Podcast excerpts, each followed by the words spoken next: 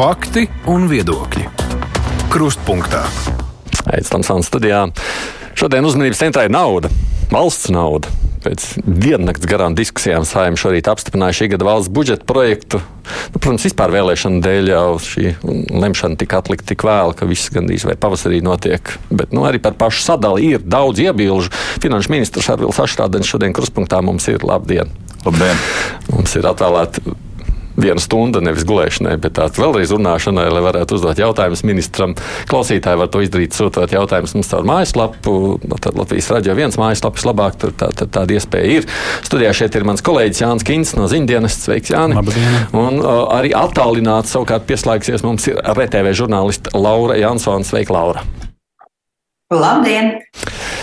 Nu, tās diennakts diskusijas, nu, kā es sapratu, rekordu uzstādījusi saimē šobrīd, nu, varētu domāt, tā tad ir daudz neapmierinātības ar budžeta projektu. Jums pašam tas šķiet labs. Es nedomāju, nu, kā mēs to mēram, neapmierinātību. Nu, viņai nav tādas svaru. Nu, jā, viens varētu būt debašu laiks. Šoreiz, šoreiz tiešām saima uzstādīja rekordu 24 mm -hmm. stundas. Neviens kolēģis neatcerās. Mums ir finanšu ministrija tāda, kas 30 budžets ir taisījuši. Tik garas debatas nec, nec tiešām jā, atmiņā nenāk. Ja mēs skatāmies no iekšā to prie, iesniegto priekšlikumu skaita, tas bija viens no mazākajiem patiesībā iesniegtiem priekšlikumu skaitam budžeta likumā parasti ir tuvu pie 600, te bija tikai 206. Tā kā. Tāpēc zināju, ka jūs nevienu neatbalstīsiet. Um, labs jautājums. Godīgi sakot, mēs vienojamies par ļoti stingru budžeta disciplīnu. Un, uh, tā pirmā lieta, no kā tas izriet, ir vienošanās par to, ka nebija nekādu koalīcijas kvotu. Uh, tiešām nebija nekādu citu labojumu. Bija daži tehniski ministriju labojumi, un arī, man liekas, vienīgā nauda, kas bija iedota, bija CVK, man liekas, 30 tūkstoši. Cita nekā nebija otrajā lasījumā, nekas netika mainīts. Tā kā uz to tas balstījās. Es domāju, tā ir pareiza pieeja. Nu, sakot, priekš tam jau ir tie divi lasījumi, lai varētu vēlreiz izvērtēt, pārvērtēt, apstīties un pielabot un pieprizēt. Man liekas, ka ja mēs izņēmām no laika līnijas, kurā mēs esam ar budžetu, man liekas, ka tā bija jēdzīga pieeja. Jo mums jāsaprot, ka budžetā sadurās milzīgi daudz interešu. Tur ir ministrijas, koalīcijas partijas, citas partijas un tā tālāk. Un tā tālāk.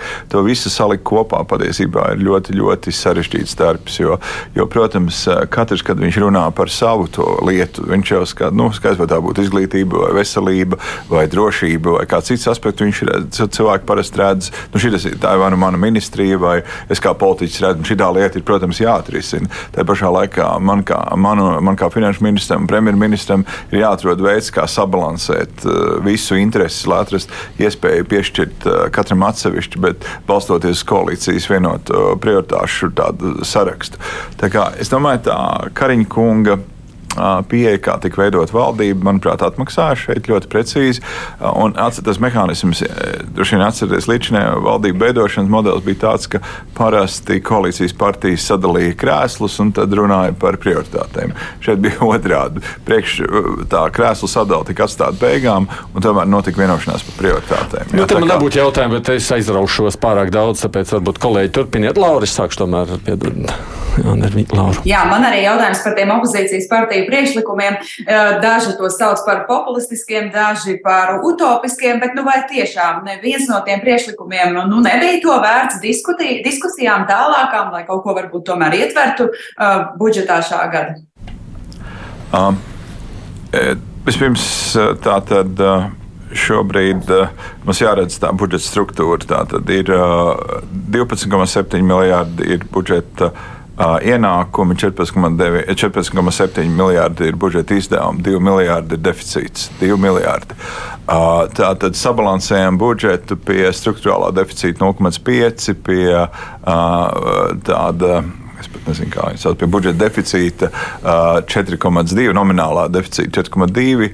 Un tā tad tas, ko mēs dabūjām Eiropas komisijas novērtējumu, bija starplaikā mēs tātad iesniedzām, iesniedzām saimā pirmam lasījumam, bija tātad teicis, jā, šis 4,2 deficīts atbilst tā situācija, kāda šobrīd ir ģeopolitiskā situācija vispārējais, bet 0,2 jau ir pārsniegts limits, ko mēs varētu atļauties kā budžeta deficītu. Opozīcija iesniedz apmēram 2 miljārdus, nu, jāsaka, nedaudz pār 2 miljārdiem, priekšlikums par 2 miljārdiem. Nu, vēl pielikt klāt 2 miljārdus, nu, mēs nekādā veidā nevarējām. Tā kā, Um, tas jautājums, vai, uh, vai, ir, uh, vai jūs teikt, ka viena vai otra uh, piekāpšanās būtu viena maza izmaiņa, būtu tā teikt, to lietu sakārtojas. Es gribu teikt, ka nu, budžeta māja ir diezgan grūti salikt kopā. Tā kā viņi saliek kopā, tad ir, ir, ir teiksim, vismaz finanšu ministrs un premjerministrs mēģina turēt to salikt, salikt kopā, kamēr tiek cauri abiem lasījumiem. Kāpēc tādas izmaiņas uh, nenotiek pa vidu? Kāpēc vajadzēja šo bez piecām minūtēm diennakts maratonu?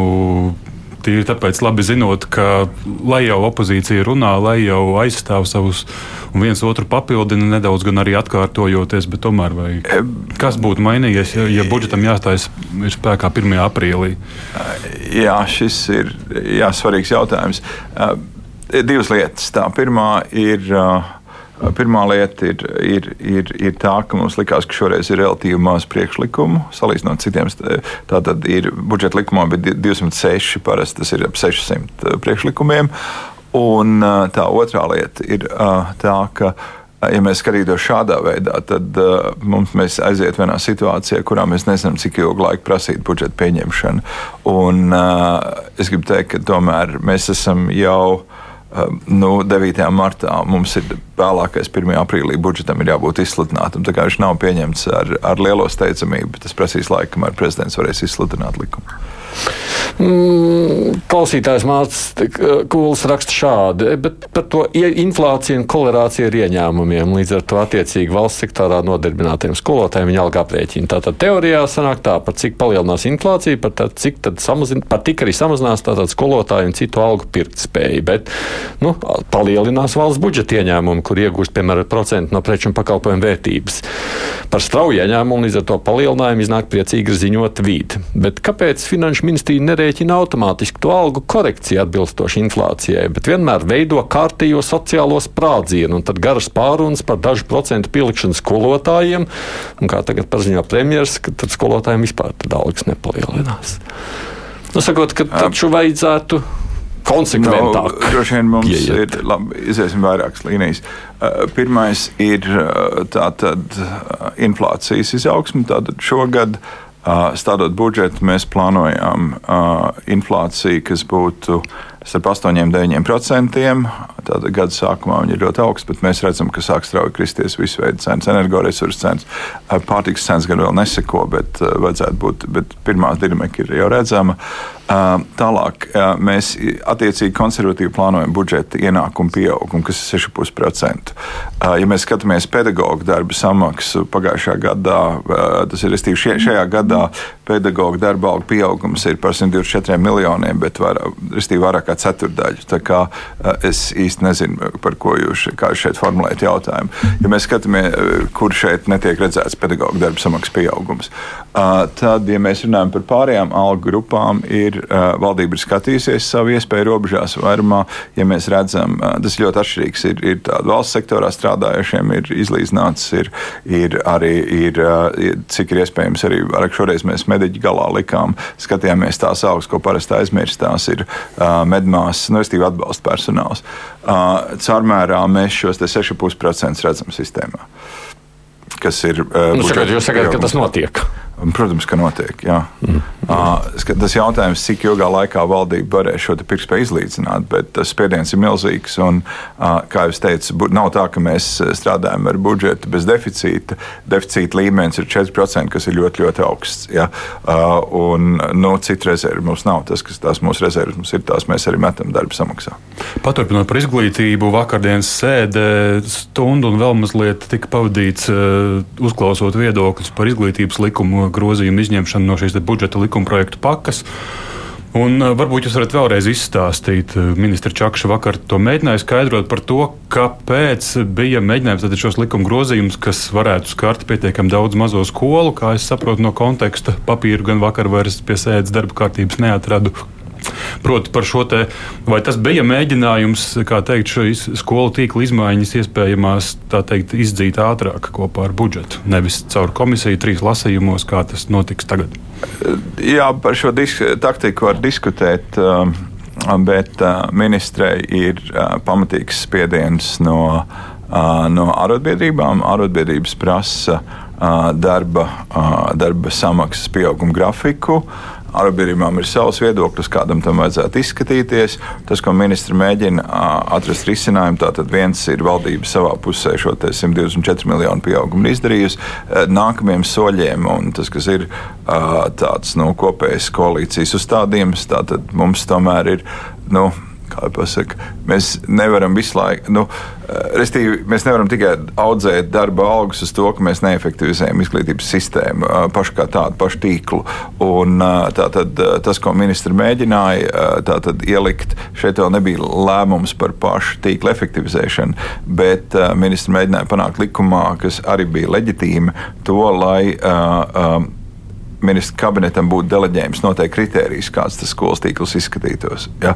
Uh, nu, šis, uh, diemžēl, šis manevrs neizdevās. Uh, ne koalīcijas partijas, ne, ne arī opozīcijas partijas šādu ideju neatbalstīja. Tā kā uh, šobrīd ministrija ir tādā drusku drusk situācijā, kurā jādomā, kā rīkoties un kā virzīties priekšu. Nu, es gribu teikt, ka uh, nu, nav tā politiskajā vidē, ka būtu liels entuziasms kaut ko skatīties attiecībā uz skolu tīkla efektivizāciju. Nu, mēs salīdzinām, es atkal atgriežos pie Igaunijas sistēmas. Igaunijas sistēmas izmaksas uz vienu izglītojumu ir būtiski mazākas, toties pedagoģa darba alga ir būtiski lielāka. Vienkārši tā izglītības sistēma ir efektīvi organizēta. Latvijā tā nav. Nu, izglītības komisijas rokās, kā teikt, visas kārtas. Nu, tad, ātri strādāt. Jā, jā bet, strādāt, bet varbūt. ir arī pozīcijas pusē ir, ir, ir pietiekami liela vēlme aizsargāt mazās skolas. Kā, redzēsim, kā ies ar šo diskusiju. Tas nebūs viegls, viegls, viegls teikt, risinājums. Hmm. Laura. Jā. Es vēlētos pat, pat, paturpināt par veselības aprūpas nozari, kas eh, šī gada budžetā arī ir palikusi tādā kā pabērnu lomā. Un es teiktu, ka sabiedrībā tomēr ir tādas bažas, ka rindas pie ārstiem šogad pieaugs, to sāk arī paši mediķi, uh, un sabiedrība kļūs varbūt pat aizvien slimāka, kaitas tiks ielaistas, pie ārstiem nevarēs tikt. Vai nav tādas bažas, ka nākamā gada, nākamo gadu budžetā, budžetos šī taupība nu, nesīs tādu kā uh, lielākas problēmas, jo sabiedrība kļūst slimāka? Slimāk, mums vienkārši nebūs kas eh, strādā, un tad tās sekas būs aizvien smagākas, ka mēs šādā veidā taupam, taupam, pie kā tas novedīs. Vispirms mums jādod katram procesam vērtējums, un es pilnīgi noteikti, ja, ja es kā finanšu ministrs nesu uz, uz saimnu apstiprinātu budžetu ar 4% deficītu, jeb, divu, jeb izdevumu valdības, valdības budžeta izdevumu par 2 miljardiem pārsniedz ieņēmums, šo par taupīgu budžetu nu nekādi nevar nosaukt. Tā otrā lieta, kas mums jāredz, mums jāredz konteksts, un, protams, es arī neesmu slēpis diskusijās par to, cik adekvāts ir budžeta finansējums es esmu teicis, ka uh, ilgstoši veselības aprūpas finansējums ir zemāks nekā tas būtu nepieciešams. Tā pašā laikā mums absolūta prioritāte ir valsts drošība. Uh, un uh, šeit ir gan iekšējā, gan ārējā drošība. Divas lietas ir mēs uh, tātad um, armijas tātad veiktspējā, jeb, jeb, aizsardzības izmaksās mēs virzamies uz šiem 3% no IKP. Un, šogad nu, tas ieguldījums ir gandrīz 500, uh, 503 miljoni, un tā ir gan gan dažādas pretraķešu sistēmas, gan, gan arī dažādas militārās tehnoloģijas, un tā pašā laikā ļoti nopietna investīcija paketi ir arī iekšējai drošībai. Tātad tās ir uh, glābēju mašīnas, uh, depo punkti, uh, ir dažādu uh, preču iegāde, tātad x stundai, ja nepieciešams iedzīvotājs apgādāt, ja ir kāda katastrofa. Es gribu teikt, tā iemesla dēļ, ka mums bija ļoti augsts prioritāte šīs te, uh, drošības izmaksas, mēs nevarējām palielināt citās pozīcijās. Taču uh, tā ir ļoti nopietna vienošanās koalīcija kadences vidū, ka mēs pārskatām nodokļu sistēmu. Un patiesībā šodien arī sākās viena nu, ministrija beigusi savus pirmos sagatavošanās darbus. Šodien ir arī pirmā tikšanās politiskā līmenī, un viens no lielajiem jautājumiem ir ilgspējīgs veselības aprūpas modelis. Tātad modelim jānodrošina divas lietas. Tātad viens ir ilgspējīgi ienākumi. Uh, nu, vismaz es kā finanšu ministrs redzu, ka tā būtu līdzīga kā ir Igaunijas sistēma. Tā ir valsts apdrošināšanas sistēma, kas ir bāzēta uz diviem ienākumiem. Igaunijā tā ir iemaksas no sociālā nodokļa. Igaunijā šķiet, ir 12% sociālais nodoklis plus papildus valsts budžeta finansējums un neatkarīgs valsts apdrošinātājs, kas nodrošina efektīvu sistēmu un ilgspējīgu finansējumu sistēmu. Es gribu redzēt, ka Latvijā būtu jāiet šajā tādā pašā virzienā. Ja politiskie partneri, kas ir atbildīgi par veselības nozari, redzēs līdzīgi, ļoti labi mēs tiksim ātri uz priekšu. Tagad tas ir šī gada uzdevums. Tad attiecībā uz finansējumu es gribu teikt, ka nu, šogad vēl klāt veselībā ir 85 miljoni eiro naudas papildus. Mēs šobrīd arī skatāmies, ko mēs varam teikt, valsts apcirkņos atrast no tiem 14,7 miljardiem. Šobrīd no apkurei paredzētās naudas ir atrast 11 miljoni eiro, kas tiks novirzīti slimnīcas izmaksu sadārzinājumu sekšanai. Tāpēc skatīsimies nākamos potenciālos resursus, ko mēs varam atrast. Kādā ziņā valdība ir vienojusies par mehānismu, ka teiksim, atri, teiksim, tā, valsts budžeta pārskatīšanas rezultātā radušos naudu nevis sadala ministrijas pašas savām vajadzībām, bet centralizēti pārdala tām prioritātēm, par ko valdība ir vienojusies. Nu, Drusku grūts mehānisms, bet tam vajadzētu strādāt. Tā kā veselība nepaliks tādā novārtā.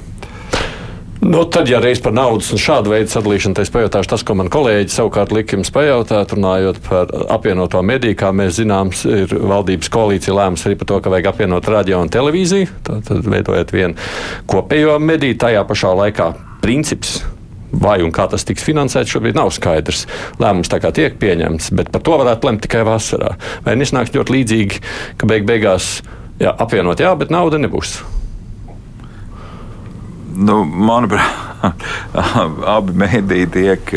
Uh, manuprāt, diezgan iedzīgi finansēti. Uh, man liekas, ka tas āķis slēpjas kaut kur citur. Uh, uh, jautājums, kādā veidā apvienotais mēdījis funkcionēs. Man nu, drusku, esot tādai, nu, labi, tas jau gan sen laiks atpakaļ, esot bijušam saistīti ar mēdīju pasauli.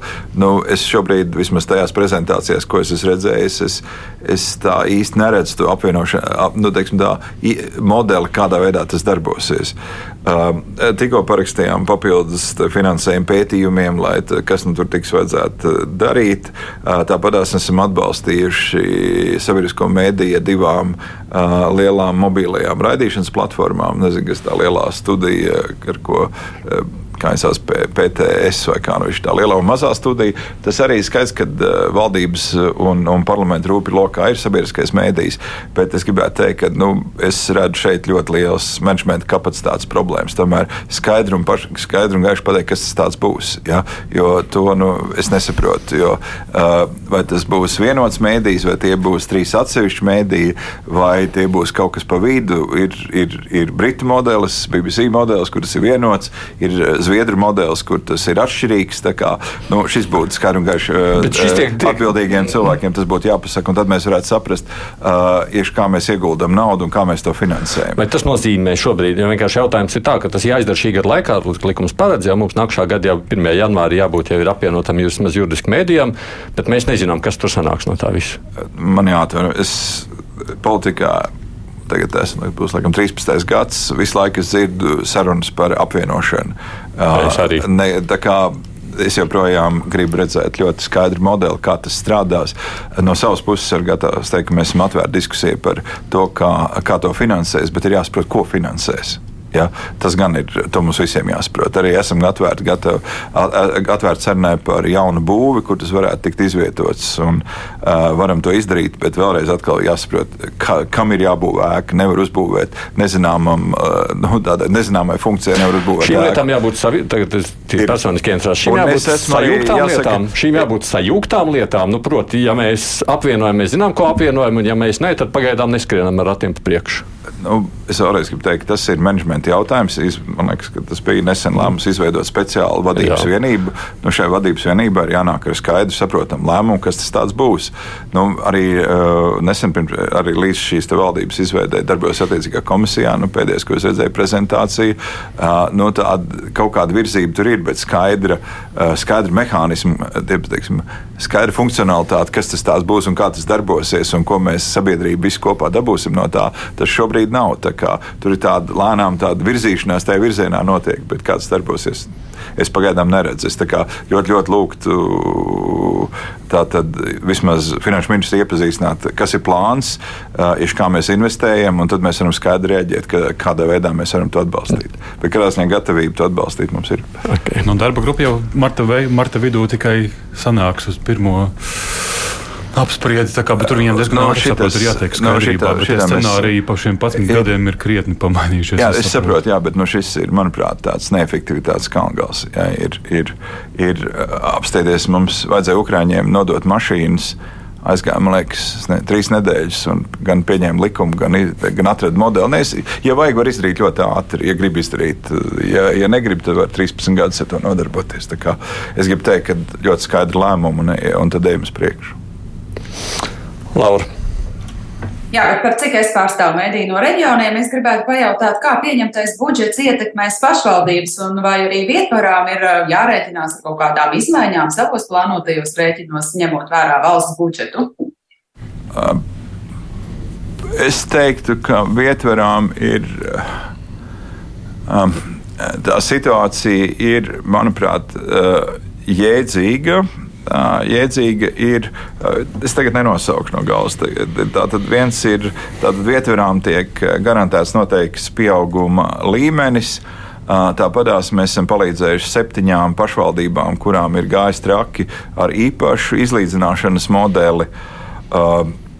Tas, ko à, mēs esam palielinājuši arī kreditēšanās iespēju.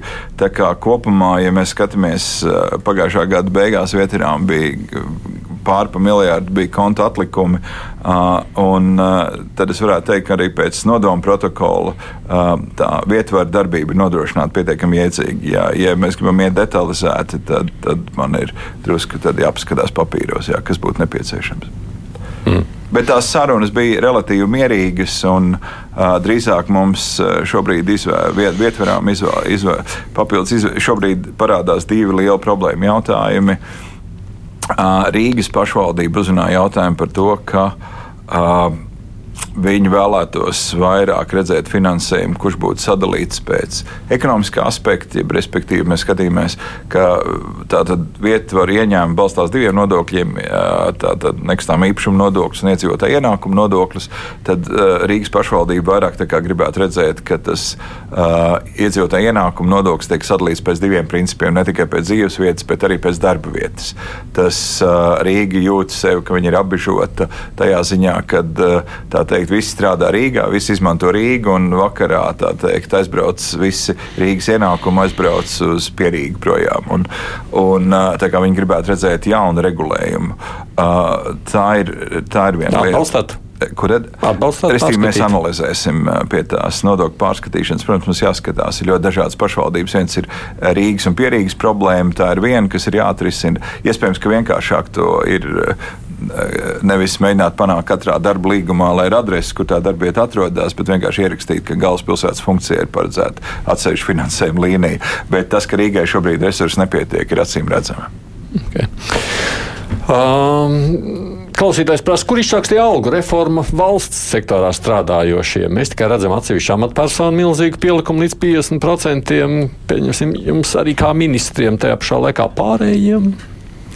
Uh, valsts sektorā tā uh, darba alga reforma, tā struktūra kā tāda ir pabeigta, un tā ir divu gadu atpakaļ iesākta. Tā ir izdarīta. Uh, pašlaik ir uh, nu, diezgan būtiska budžeta daļa tika atvēlēta, lai sasniegtu tātad pirmo izlīdzinājumu līmeni.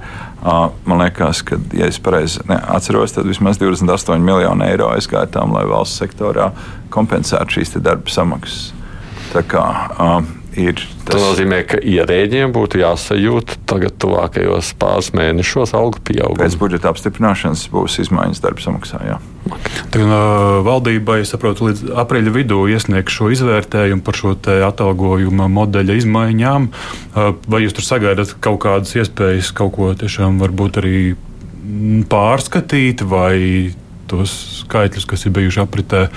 Tas bija, saprotu, pēc uh, publiskās iniciatīvas Mana balss LV portālā caur mandātu komisiju tas izgāja. Un, uh, Tas viss beidzās ar to, ka taps atbildes vēstule ministru kabinetam izvērtēšanai, vai jūs redzat tur kaut kādas manevru iespējas kaut ko pārskatīt, lai sabiedrībai skaidrāks būtu, saprotamāks drīzāk tā. Nu, tas ir jautājums, ar ko nodarbojas valsts kancelēja. Viņa ir vadošā iestāde, kas dod mums teiksim, viedokļus par to, kādā veidā būtu jārīkojas šajā lietā. Es, es vienu gan varu teikt, ka uh, ir. ir ir ar darba samaksas līmenis, vismaz atsevišķās pozīcijās, ļoti bieži mums neatbilst tiem izaicinājumiem, kas stāv priekšā valdībai. Vai tie būtu kiberdrošības vai starptautisko tiesību jautājumi vai kādi citi. Eh, attiecībā uz šo eh, pārbaudi skaidrs, ka eh, ir, tas ir uzdevums valsts kancelējai pār, pār, pārvērtēt šos datus. Nu, nu, to viņi arī attiecīgi darīs. Nu, es gribu teikt, ka vēl viena, viena liela iespēja valsts pārvaldē ir domāt uh, rīcības efektivizācijas virzienā. Katrā ziņā man ir tikko pēc, pēc budžeta ir, ir paredzēta plānota. Uh, plānota tikšanās valsts kancelēs vadītājiem. Mēs runāsim par vienotu grāmatvedības sistēmu, vienotu grāmatvedības sistēmas ieviešanu, daudzām citām lietām, kurām mēs redzam, ka mēs varam efektivizēt valsts pārvaldes darbību. Es laikam nedaudz precizēšu, tad šī lieta, kas tagad nonāks uz valsts kancelēju un valdību, ir par šo augstāko valsts amatpersonu atalgojumu, par ko sabiedrība arī bijusi pietiekami liela šūmēšanās. Tomēr. Jā, es saprotu. Tātad, nu, tajā brīdī, tikko valsts kancelē tam ķersies klāt, es varēšu arī komentēt, kā viņi to vērtēs. Es varēšu šo, šis ir valsts kancelēs sastādīt, eh, uzbūvēt sistēmu, kādā veidā viņi to ir izveidojuši. Un, un šis nav šī, šajā valdībā veidots. Tas ir vismaz divus gadus pirms šīs valdības sanākšanas kopā. Tā kā, ja valsts kancelē šādu uzdevumu ir saņēmusi, tad viņi veidos vērtējumu, tad, tad es varēšu komentēt šo viņu lēmumu. Laura. Jā, pirms mirkļa jau piesaucāt, ka pēc budžeta apstiprināšanas ir plānotas kādas izmaiņas nodokļu sistēmā. Nu, kas tad tieši ir plānots? Jo jau tagad daudz uzņēmēji saka, ka viņiem varbūt izdevīgāk savu biznesu ir plānot kaut kur kaimiņu valstī, kur ir lētāks darba spēks. Tāpat arī daudzas valsts varbūt samazina šo pievienotās vērtības nodokli pārtikai, citām precēm, lai atbalstītu iedzīvotājus energokrīzes apstākļos. Ko tad mēs varētu mainīt, lai varbūt nu, nepaliktu zaudētājus šajos apstākļos?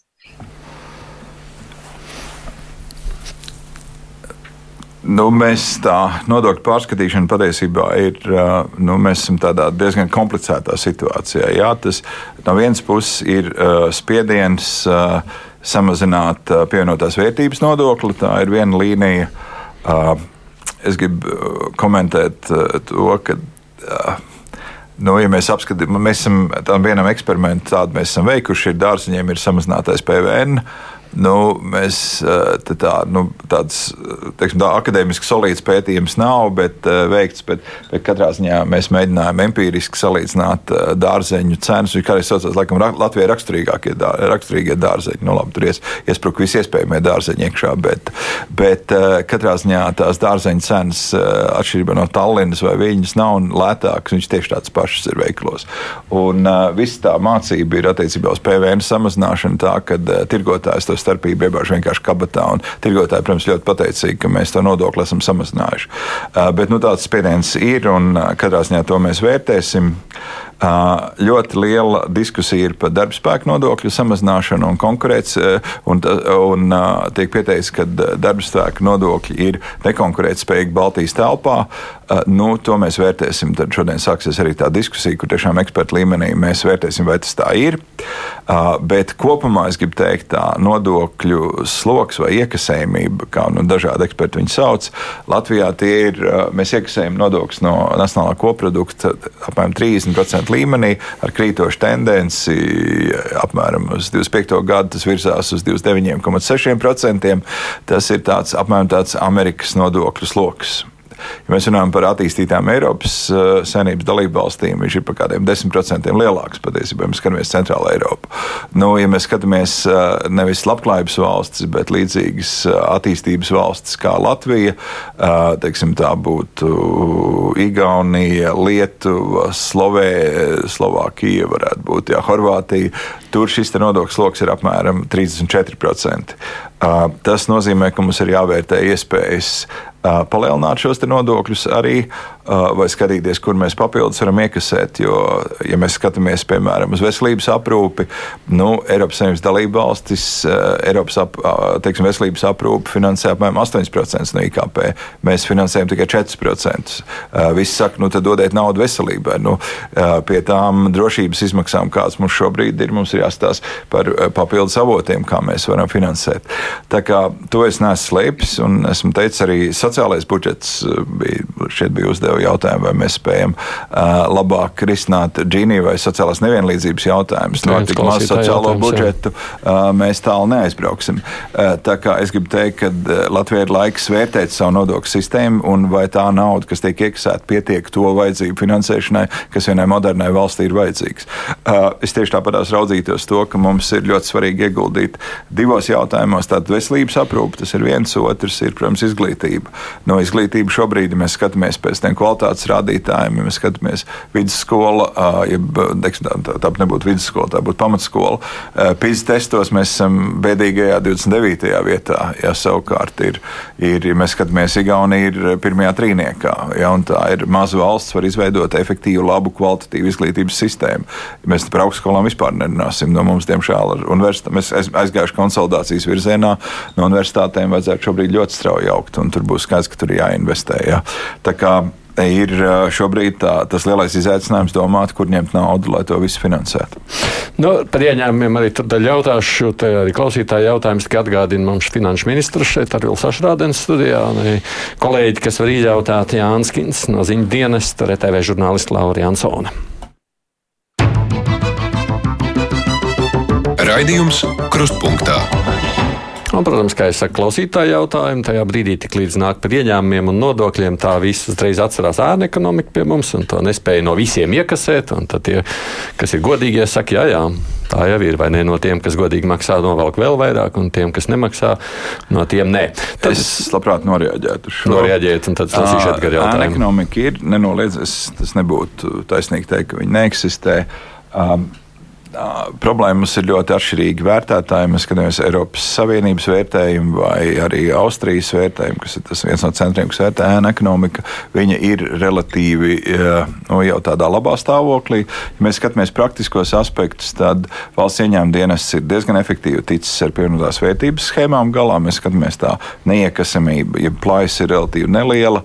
Tas, ko mēs redzam, Covid laikā ir pieaugusi aploksņa auga samaksa būvniecības sektorā, bet būvniecības būvniecības sektors, eh, divās vairumtirdzniecībā un būvniecības sektorā, bet tajā būvniecības sektorā, kas saistīts ar privātu māju būvniecību. Nu, katrā ziņā mēs plānojam šeit diezgan skarbi rīkoties. Jā. Nu, par šo tad arī Edgars te prasa um, garāk vēstules, viņi nolasīšu. Tad, bet tad no tā katrā ziņā mēs universitātes vai, vai veselības aprūpi nenofinansēsim. Visa vidi cīņa ar ēnu ekonomiku, tur aploksņa algām, tā čeku loterijas rīkošana ne tikai darbības imitācija, kam maz jēga. Es arī daudz citu man zinām cilvēku esam ziņojuši vidi par uzņēmumiem un cilvēkiem, kas nemaksā nodokļus nodokļus, mums rakstiski vidi atbild, ka viņa pienākums nav reaģēt uz šādu informāciju konkrētajos uzņēmumos.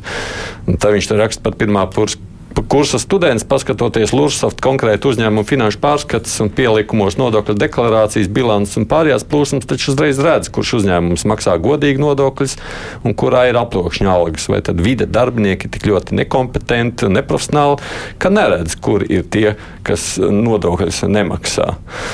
Mm. Vispirms, ja Vits ir šādi atbildējis, tad es lūgtu šādas vēstules pārsūtīt man. Tas būtu mans kompetences jautājums. Mm -hmm. Ja valsts ieņem dienas atrodas finanšu ministra pāraudzībā, attiecībā uz to, vai Vits redz vai neredz, nu, vismaz vidi jaunās stratēģijas ietveros, Vits demonstrēja diezgan efektīvu uzņēmumu eh, segmentācijas sistēmu, kurā diezgan labi var redzēt, kuri uzņēmumi eh, šo lietu piekopja. Mm. Tā kā es gribu teikt, ka uh, gaidiet. Gaidiet. Jā. Tad, tad viņi jau redz, viņi jau analizē, tikai jāgaida tālāk. Tās jaunās teikšu, analītikas metodas ir diezgan efektīvas. Drīzāk ir jautājums, laika jautājums. Tā vēl viens tāds piebildi, vai nebūtu jālaiž uz lejas liekas prasībām, kad uzņēmumi par savu naudu obligāti veic auditus svērnātam revidentam, kas palīdz vidam, tad palīdzētu vidam cīnīties un atklāt tos uzņēmumus, kas nemaksā nodokļus. Nu, likums līdz šim paredz, ka uzņēmumiem ir jāizsniedz revidēts teiksim, gada pārskats. Tas nav vide prasība, tā ir vispārēji tāda ekonomiska higiēnas nu, prasība. Bet, prasība eh, noteikti ir slieksnis, kurā brīdī tas jādara. Jā, varbūt par to var runāt, bet uh, katrā ziņā vids arī, ja mēs skatāmies Igaunijas risinājumu, viņi nāk pretī zināmas grāmatvedības uh, pakalpojumus sniedzot arī pavisam maziem uzņēmumiem. Iespējams, ka mēs varētu Latvijā virzieties arī šajā virzienā. Okay. Vai vismaz lielāku atbalstu. Jā. Lai atrisinātu grāmatvedības jautājumus pašnodarbinātiem radošām personībām. Pavisam īsi jau pie, piebilstot pie tā, ko jūs pirmie teicāt, tad katram šim nodokļu izmaiņu plānam ir jābūt uz papīra un kad tam būtu reāli jāstājas spēkā. Premjerministrs teica, reizi četros gados biežāk nevajadzētu, nu, bet kad tad? Jā, tā doma uh, ir sekojoša tajā brīdī, kad valdība runāja par prioritātēm, eh, ir dažādām politiskām partijām. Tas ir dabiski, dažādas domas par nodokļu sistēmu. Mēs vienojamies, ka mēs nemetīsimies tulīt, teikt, katru gadu raustīt nodokļu sistēmu, kad kaut kas būtu ienācis prātā, bet, teiksim, saliksim visus uz galda un tā tad izvērtēsim to, ko mēs vēlamies darīt. Uh, un uh, tā tad tas, ko mēs plānojam sākt, jo, kā jūs teicat, šodien sākās arī politiskās sarunas par šo jautājumu, ir arī uh, sociālo partneru darba grupa un arī universitāšu eksperti ir iesaistīti. Tātad mēs plānojam iet tādās divos virzienos. Viens ir izvērtēt esošo nodokļu sistēmu, kas mums darbojas, kas būtu labojams vai sakārtojams tur un uzlabojams, un otrs, tad mēs skatīsimies tādu politisko partneru piedāvājumu. Es šobrīd, cik tas nav uzlikts papīra, nevarēšu nosaukt no savas puses, ko es likšu galdā, ir uh, valsts veselības aprūpas, ilgspējīga valsts veselības aprūpas finansēšana. Uh, tad uh, jautājums par pašvaldību izlīdzināšana, pašvaldību finanšu izlīdzināšanas sistēma. Tie būtu divi jautājumi no manas puses. Skatīsimies, ko mēs saliksim arī eh, vienotības kolēģi, ko liks vēl papildus klāt uz galda. Tā kā tās eh, diskusijas būs, un mēs plānojam, ka mēs pabeigtu šīs lietas oktobrī, jo ir diezgan liels darba apjoms darāms. Uh, un uh, tātad tam būtu divas nozīmes. Viena ir uh, iespējams relatīvi nelielas nodokļu izmaiņas, varētu būt jau uz nākamā gada budžetu. Un, ja, mūs, ja būs plānotas masīvākas nodokļu izmaiņas, tad oktobrī pabeigt šīs valdība apstiprināt pamatnostādnes, tad gatavot likumu, saimnieks pieņemt likumu, tad jau 25. gadā varētu būt, būt nopietnākas pārmaiņas. Bet, manuprāt, tas ir ļoti atbildīgi, jo mēs arī noteikti laiku iepriekš brīdinātu uzņēmējus par to, ka ir, kad šādas nodokļu izmaiņas ir plānotas plānotas. Nu, nav jēdzīgi tas, ka valdība sastāv budžetu rudenī un no 1. janvāra jau, ziniet, mums te tagad ir pavisam viss savādāk. Ja? Tā kā, nu, tāds ir plāns, ceru, ka izdosies. Mm. Un par, teikt, par nākotni domājot, jo par nākamā gada, nākamo gadu budžetiem vai tajā izstrādes metodikā kaut kas vēl varētu mainīties? Nu, neskaitāmās diskusijās ir minēts par nulles budžetiem ministrijās un to pakļautības iestādēs, kur varbūt atrast, kur kaut kas dublējās vai, lai neteiktu vairāk. Jā, tas, ko paralēli ir valdība apstiprināja arī ar jaunā budžeta veidošanas grafiku, apstiprināja arī grafiku, kādā finanšu ministrija pārskata, pārskata visu, visu Um, ministriju budžetus. Nu, jāsaka, tas process kļūst ar vien efektīvāks. Iepriekšējā gadā bija vairāk nekā 100 miljonu eiro, bija ļāva pārdalīt izmaksas no, esošā, no esošiem valsts budžeta. Es domāju, ka tie, tie, tā, tie mērķi varētu būt vēl ambiciozāki šogad. Laura. Jā. Pašlaik pie mums Latvijā strādājošās skandināvu bankas piedzīvo šajā gadā jau sākumā necerēti lielus peļņas procentus, eh, bet tikmēr mūsu kredītņēmējiem šīs procentu likmes turpina augt. Tomēr, to, gan, protams, nosaka Eiropas centrālā banka, lai it kā mazinātu inflāciju, bet noguldījumu procentu likmes bankās gan tik strauji nekāp un neceļās. Eh, kā jūs vērtējat, vai šeit kaut kā nevajadzētu iejaukties eh, valstī, jo tā tomēr ir mūsu Latvijas iedzīvotāja nauda, kas nu, tagad aizpildīt aizplūst uz Skandināvu bankām?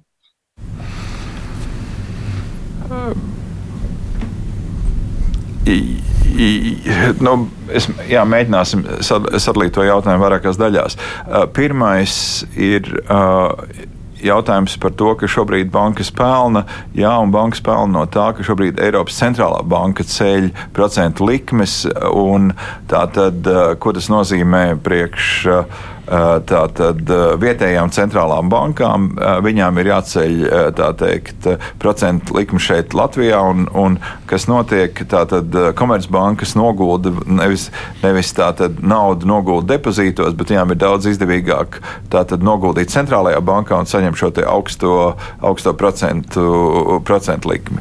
Tā ir viena lieta. Savukārt bankas neceļ depozīta likmes, depozīta likmes noguldītājiem, jo viņiem jau tāpat kontā stāv pietiekami liels naudas summas.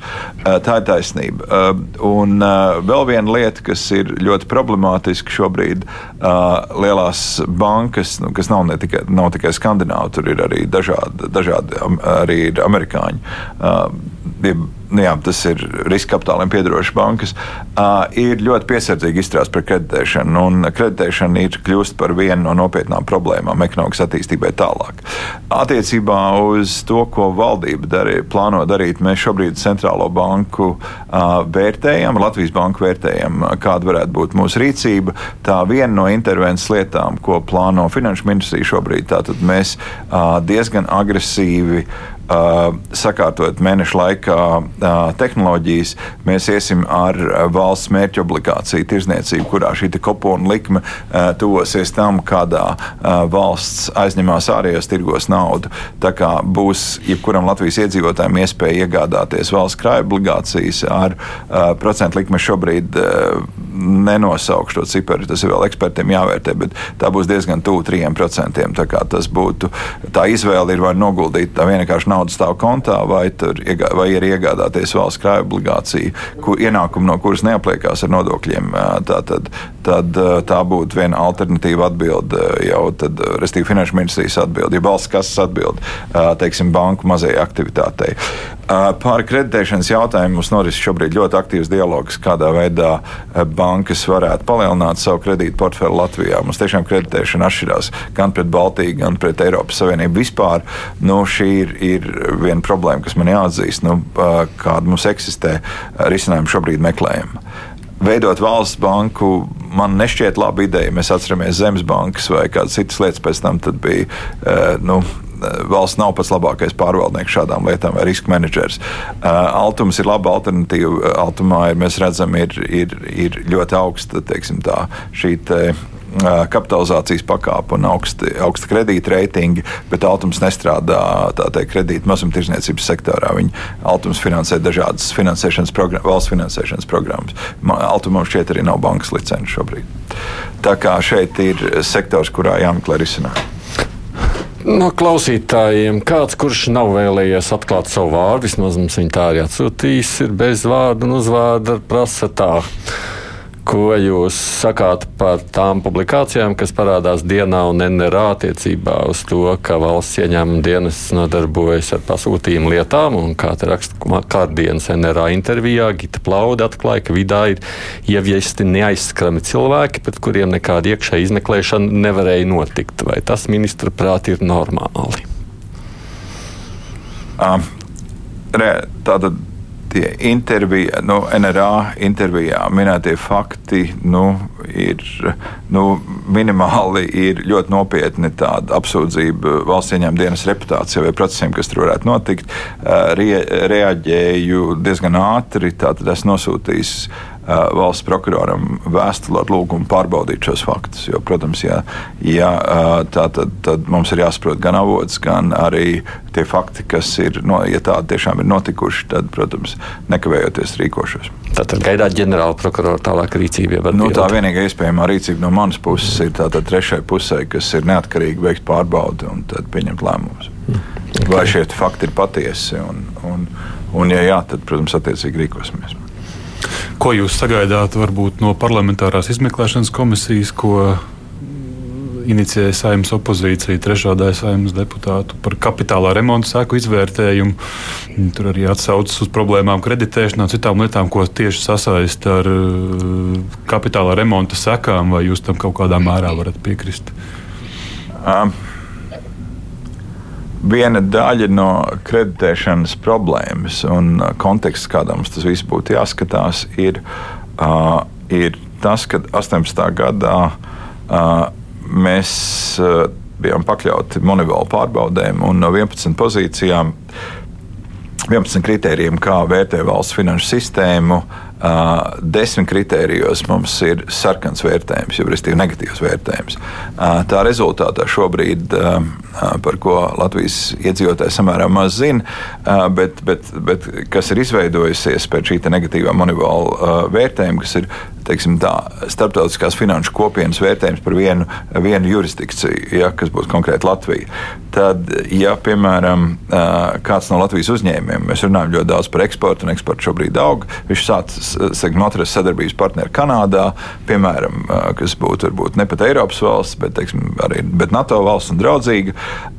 Tad viņš atrast vienu partneri un teikt, nu, Džons, sāksim biznesu. Un Džons teikt, labi, sākam biznesu, bet es tad sasnāšos savu banķieri. Un tas ir viņa banķieris, te, kuram viņš teikt, nu, es gribu darboties ar Latvijas partneri. Viņš tātad datorā ieiet uzklikšķināt Latviju un Latvijas bankas, un tad viņam viss, viss tas ekrāns parādītos, ka tā ir ļoti augsta riska jurisdikcija.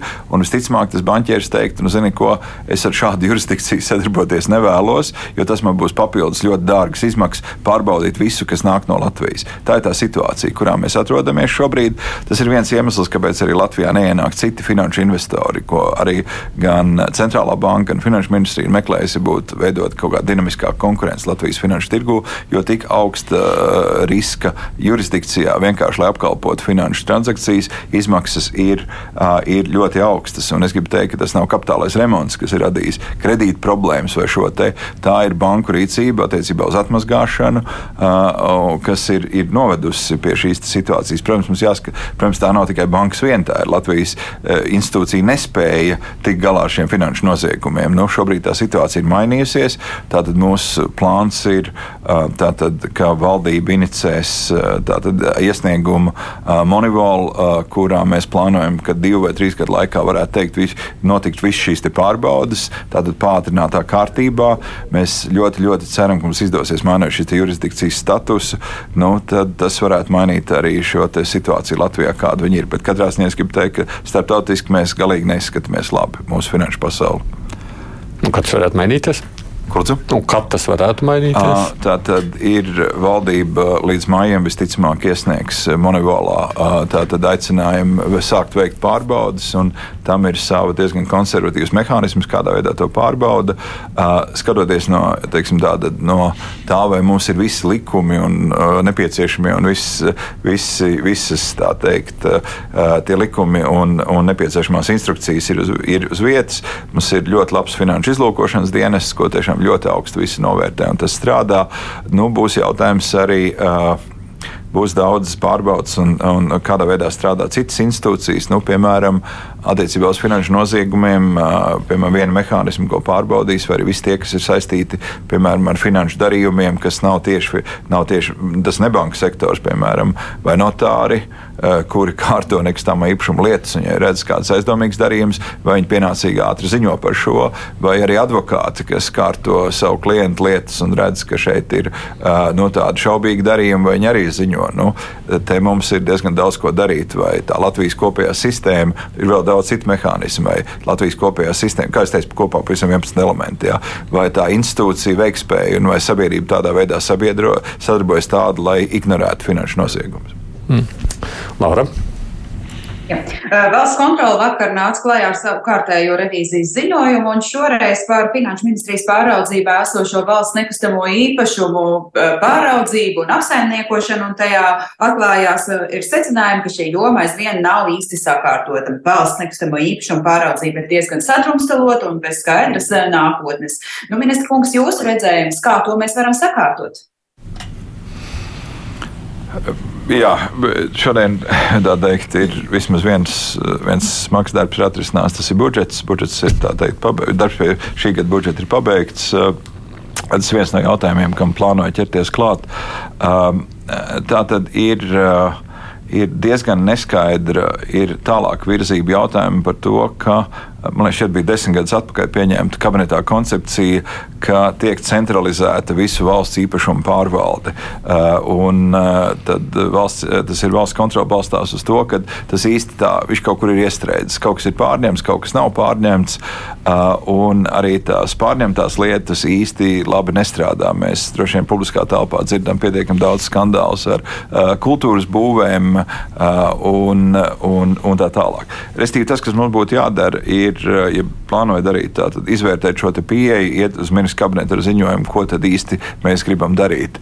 Nu, es, man šķiet, ka vismaz tas kultūras būvniecības piemērs rāda, ka būtu tomēr tās kultūras būvniecības at, jādod, būtu jādod atpakaļ eh, tām pašām kultūras institūcijām, lielām nacionālām, kuras, manuprāt, daudz labāk tiek galā ar to visu nekā šāds centralizēts modelis. Nu, Piemēram, nezinu, tas pats Valmieras teātris dažos mēnešos ātri noreaģēja kopā ar pašvaldību. Trijos mēnešos uzcēla jaunu, var teikt, teātri, labi, viņš ir mazākā formā un mērogā, kamēr liela šāda institūcija tas prasa vairākus gadus, lai tik galā ar šo būvs jautājumu. Līdzīgi ar jauno Rīgas teātri nevar lepoties ar to, kā tie rezultāti sasniegt šobrīd. Papildus gribēju ko jautāt. Bet ziņojumā ir norādīts, ka teiksim, šeit nav sakārtot šie nomas noteikumi. Vienai institūcijai nomas noteikumi ir tādi lētāki, citai varbūt lieli. Nu, kā ar šiem jautājumiem tikt galā? Uh, jā, te ir, ir vēl viena neskaidrība. Ir, uh, patiesībā uh, atceros, ka bija ekonomikas ministrs kādus gadus atpakaļ, un tad ekonomikas ministrija par savu ēku, šķiet, tas ir brīvības ielā, nemaz īri nemaksāja par šo māju. Tad kāda nu, tad valsts ieņem, valsts nekustamā īpašuma aģentūrai var būt liela interese apkalpot šo objektu. Savukārt, ejot uz budžetēšanas procesu, teica, lieciet mierā, šī nav pirmā prioritāte. Mums ir vajadzīga nauda visam citam, un tā, tam īpašniekam tā nomas maksa netika maksāta. Tā, kā, tā, tā, ir, tā ir viena pieeja. Tā. Otrs, par ko valsts kontrole. Uh, ir iebildusi, tas ir par Talējas ielu, kur atrodas valsts ieņēmuma dienests. Un, nu, tur es gan īsti, īsti nevarētu piekrist. Eh, Talējas ielas nomas līgumiem ir sena vēsture. Tajā brīdī, kad to, no, to namu izīrēja, tad tika nofiksēta nomas maksa, un tā viņa ir palikusi ilgus gadus. Um, savukārt uh, valsts kontrole uzskata, ka tajā brīdī, kad mainās procentu likmes, tad vajadzētu šo nomas maksu samazināt valsts, uh, valsts īpašumiem. Ja tas, piemēram, ir nu, valsts nekustamā īpašuma būve, kas ir izīrēta uh, valsts ieņēmuma dienestam, ja, ja teiksim, valsts ieņēmuma, tas ir valsts nekustamā īpašuma pelna drusku vairāk, tad vajadzētu īres maksu samazināt, bet brīžos, kad tās procentu likmes ceļās, tad vajadzētu atkal palielināt. Nu, šāda, man, man šķiet, ka tā nav tāda īsti sabalansēta pieeja. Man liekas, tā uh, vienošanās par nomas maksu ir fiksēta, viņa nav īpaši mainīta laika gaitā.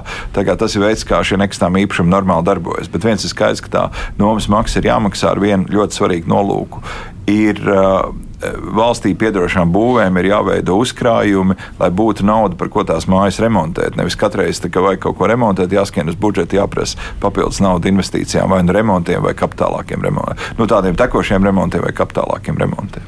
Tā kā šis arī vēl mēs neesam valstī to tikuši galā. Tā kā mēģināsim ķerties klāt un sakārtot šo lietu. Valstī pieder ļoti, ļoti daudz nekustamā īpašuma, kas nav īsti labi sakārtot. Man nav laiks arī, man kaut kāda pusminūte tikai palikuši, bet vispār pašu aģentūras darbu vērtējot, jums tur šķiet, šķiet vajadzīgs kaut kāds rūpīgāks audits, skatīties, kā un ko viņi dara? Nu, noteikti mums ir jāiet cauri. Nu, šķiet, ka tagad esam stabilizējuši tos uh, divus tās ļoti nu, teiksim, sarežģītos jautājumus ar kultūras būvēm. Uh, šķiet, uh, iekšlietu ministrija ļoti labi atsaucās par būvi uz robežas, kas ir tā robežas izbūve, ir, ir process, ir sakārt. Nu, vismaz pēdējā valdības sēdē bija, bija teiksim, analīze, vērtējums ir, ir, ir ļoti labs, bet, bet viens ir skaidrs, ka ir, ir, tas ir viena no pirmām prioritātēm, ko mēs plānojam tuvākā laikā ķerties klāt. Okay. Atvainojos tiem klausītājiem, kur jautājumi, protams, atkal palika neuzdot. Tā jau tas vienmēr ir. Es centos, centāmies, jo gal galā. Nu. Jautājumā ir daudz. Finanšu ministrs Arvils Ašrādens bija kruspunktā studijā. Paldies, ka atnācāt šeit. Paldies, ka iztaujājāt. Kā mani kolēģi Laura Jansona no RTV, kas bija pieslēgsies attālināti, un Jānis Kins no ziņdienas, kas tepat nonāca pie Paldies. mums. Rīt kā piekdienās notikums komentēs žurnālisti. Nu, pārnāsim gan to nakts negulēto diskusiju apjomu, kas ir bijuši šajā naktī saimā. Palūkosimies arī citās tematikās, arī tajā, kas notiek ar aizsardzības ministrijā, ar to skandalozo iepirkumu. Tur interesants ir tiesas spriedums par līgumu laušanu ar pasažieru pārdātāju Nordeku. Man liekas, ir arī citas ziņas, ko rīt pārnāt, tā kā visu kopā ar kolēģiem to rīt arī darīsim. Bet šodien raidījums izskan producentu Loreta Bērziņa studijā savukārt bija es Aidis Tomsons.